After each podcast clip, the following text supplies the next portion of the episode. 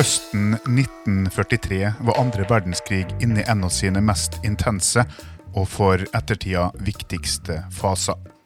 Sovjet hadde en ny, stor offensiv på gang fra øst, og Europa i vest var fortsatt besatt av fanatisk nazisme. En ny front måtte åpnes i vest, og de allierte lederne, Stalin, Roosevelt og Churchill, måtte møtes for å bli enige. Men eh, hva om Nazi-Tyskland fikk tak i eksakt informasjon om hvor og når de skulle møtes, og satte i verk ei slu plan for å drepe dem alle sammen i samme minutt, i samme rom?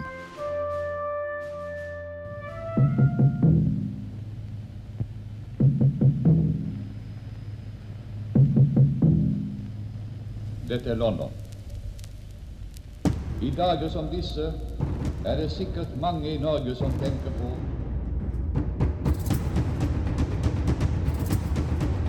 Jeg vet at jeg i denne sendingen når langt utover havet, vestover der det ennå er kveld, At the end of the proceedings today, that we have to be prepared in the Mediterranean, that the air battle is continuous,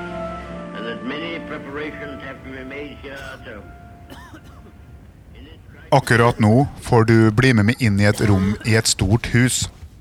Året er 1943, og datoen er 28. november. Vi befinner oss i et herskapelig hus i den iranske hovedstaden Teheran. Vi er heldigvis usynlige der vi tar inn over oss atmosfæren i det store rommet. Utenom meg og det, så er det tre stykker til i dette rommet. Tre verdensberømte personer.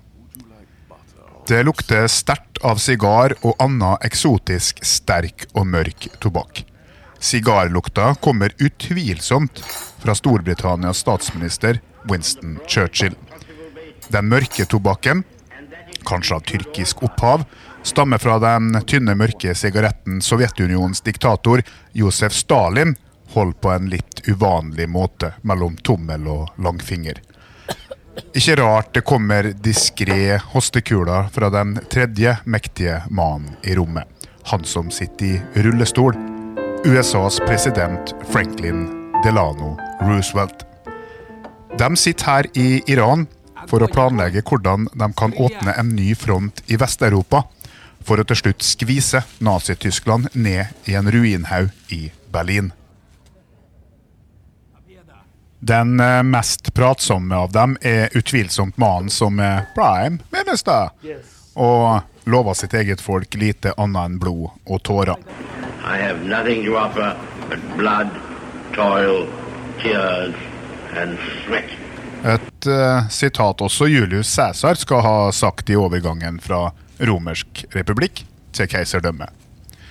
Kan du se for deg de tre supermaktlederne sitte der i et rom, høyt under taket, store vinduer, hvite gardiner som duver svakt i kveldsprisen. Kjenner lukta av eh, forskjellig brennevin som konjakk og whisky.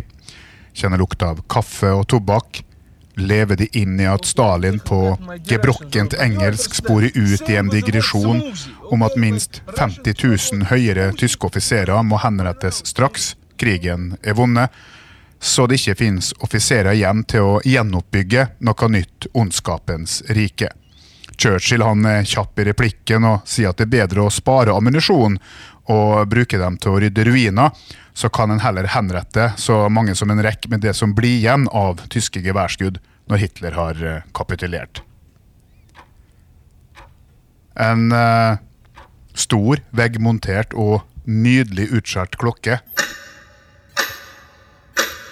henger på en smal vegg mellom to av de store vinduene. Churchill begynner å se litt døsig ut etter all maten og noen smaksrunder på georgiansk vin, som Stalin omtrent insisterte på at eh, både Churchill og Roosevelt smakte på og likte.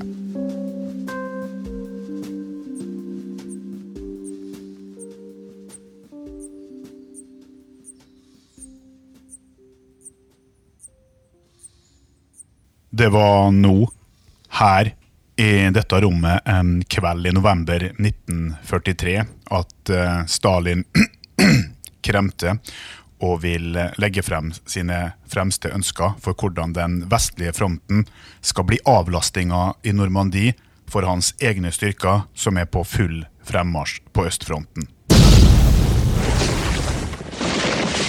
Lengre kom han ikke.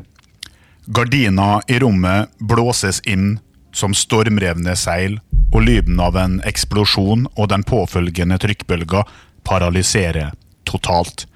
Fra de to dørene forbeholdt maktelitens adjutanter stormer smidige og svartkledde menn inn.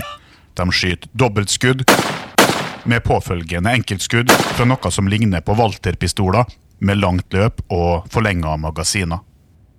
Etter sju korte eller lange sekunder, alt etter hvem du spør, er verdens tre supermakter uten sine ledere. Roosevelt han ligger over armlenet på rullestolen med ni parabellummantler fordelt i sin korpulente og slitne kropp.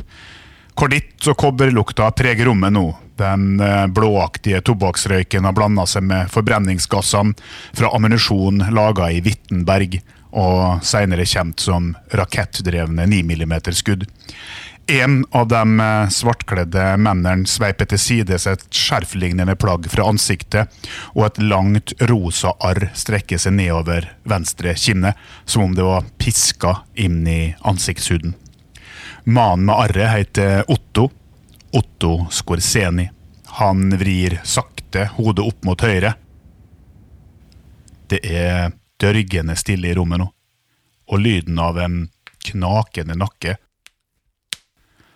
og blodtapet mot mahognigulvet fra tre eldre. Døde menn er alt vi hører, før eh, Skorseni roper ut Heil Hitler. Ok, stopp en hal. Alt du har hørt og sett for deg, er bare tull og tøys. Det har aldri skjedd. Like lite sant som at eh, jorda er flat, eller at klimaendringene ikke er menneskeskapt. Men det var likevel meninga at det skulle skje. Det var Hitlers elleville plan bak dette her, som ble døpt Operation Long Jump. Og det er historien jeg skal fortelle til det i dag. Boka Operation Long Jump fra forfatteren Bill Jens beskriver scenarioet du nettopp eh, hørte, med en eh, annen vri.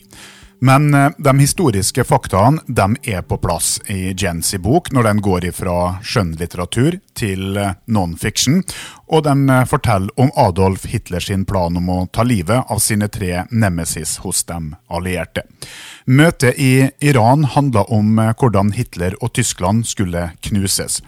Men tysk etterretning visste at møtet var forestående, og de fora Hitler og Heinrich Himmler med informasjon. Det fikk Hitler til å bestemme seg for å sette ut planen Operation Long Jump i livet.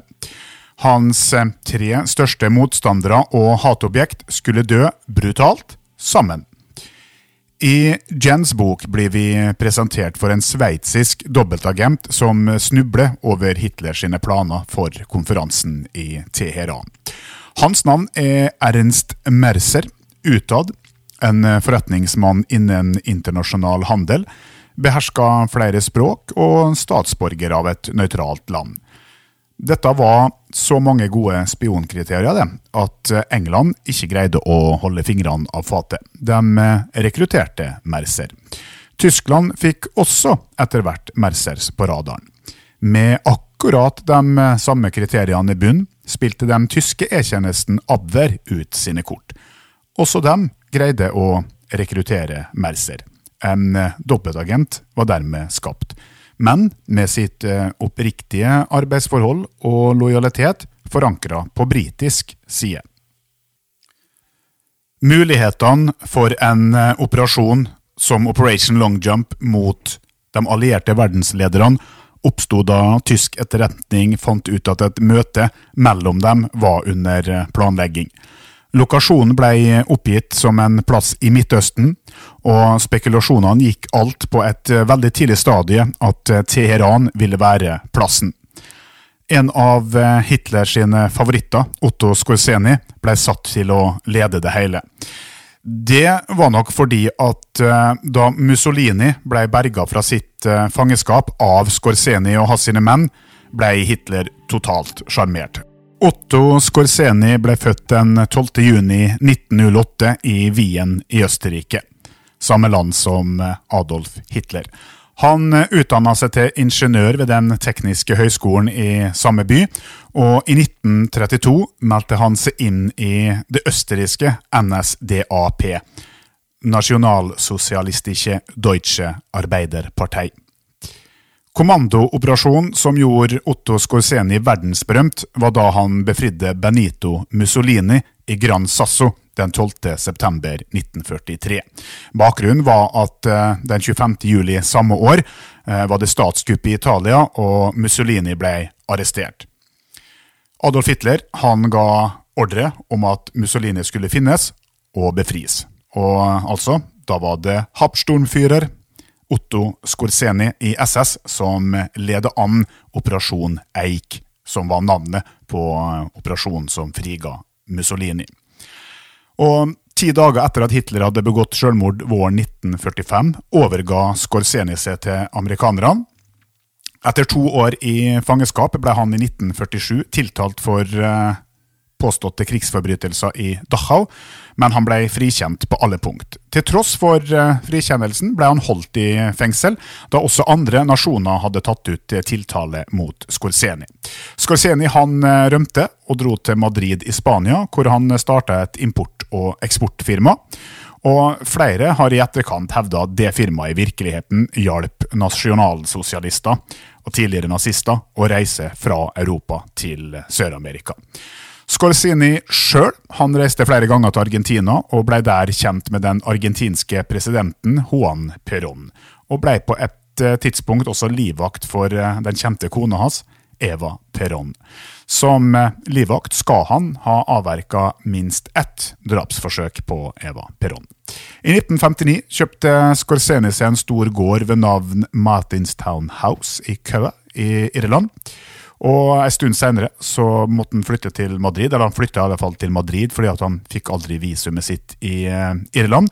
Og han bodde i Spania frem til den 5. juli 1975, da han døde av kreft. 67 år gammel. Det var denne mannen her som skulle hjelpe Hitler å bli kvitt de tre lederne av de allierte motstanderne, Churchill, Roosevelt og Stalin.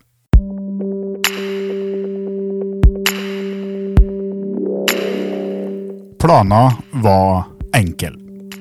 Angrepslagene under ledelse av Skorseni skulle hoppe ut i fallskjerm over Iran og infiltrere seg inn i Teheran, hvor de da skulle danne en base i et tysk safehouse. Sammen med angrepslagene skulle det også slippes sovjetiske desertører med uniformer fra Den røde hær. De skulle sørge for å komme tett på vaktstyrken ved Sovjets ambassade i byen. De skulle samle etterretning og bryte vei for drapslagene. En ansatt ved den britiske ambassaden i Ankara i Tyrkia forsynte faktisk Tyskland med kopier av den første korrespondansen mellom London, Washington og Moskva. Tysk etterretning fikk innblikk i forberedelsene så krystallklart at de nesten kunne føle seg som inviterte gjester. Så hva gikk egentlig galt? Jo da, et medlem av eh, Skorseni sitt drapslag røpa seg i forkant. Til et uh, kvinnelig bekjentskap så skrøt han av at hun skulle få ei persisk kåpe etter hans neste hemmelige oppdrag.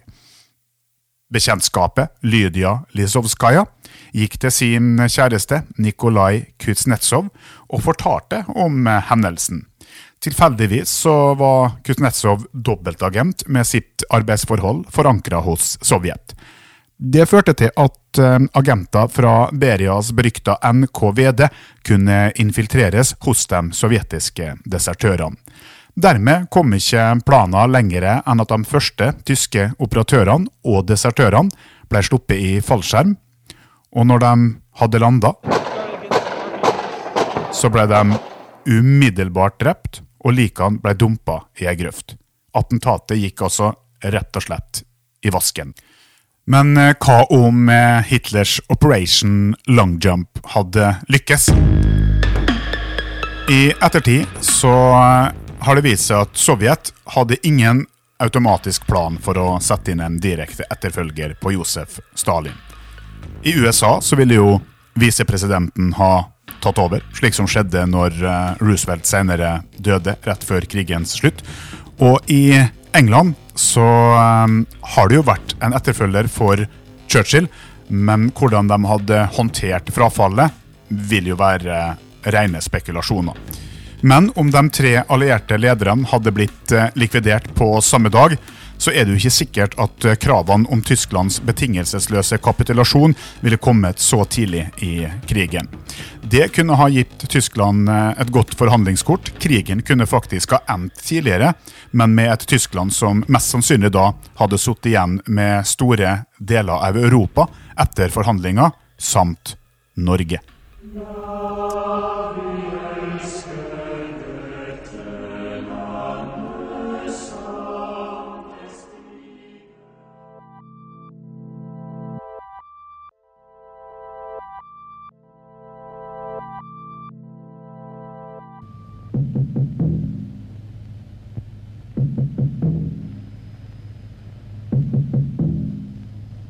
Dette er London.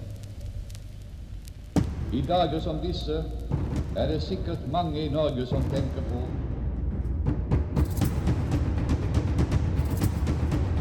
Jeg vet at jeg i denne sendingen når langt utover havet, vestover der det ennå er kveld,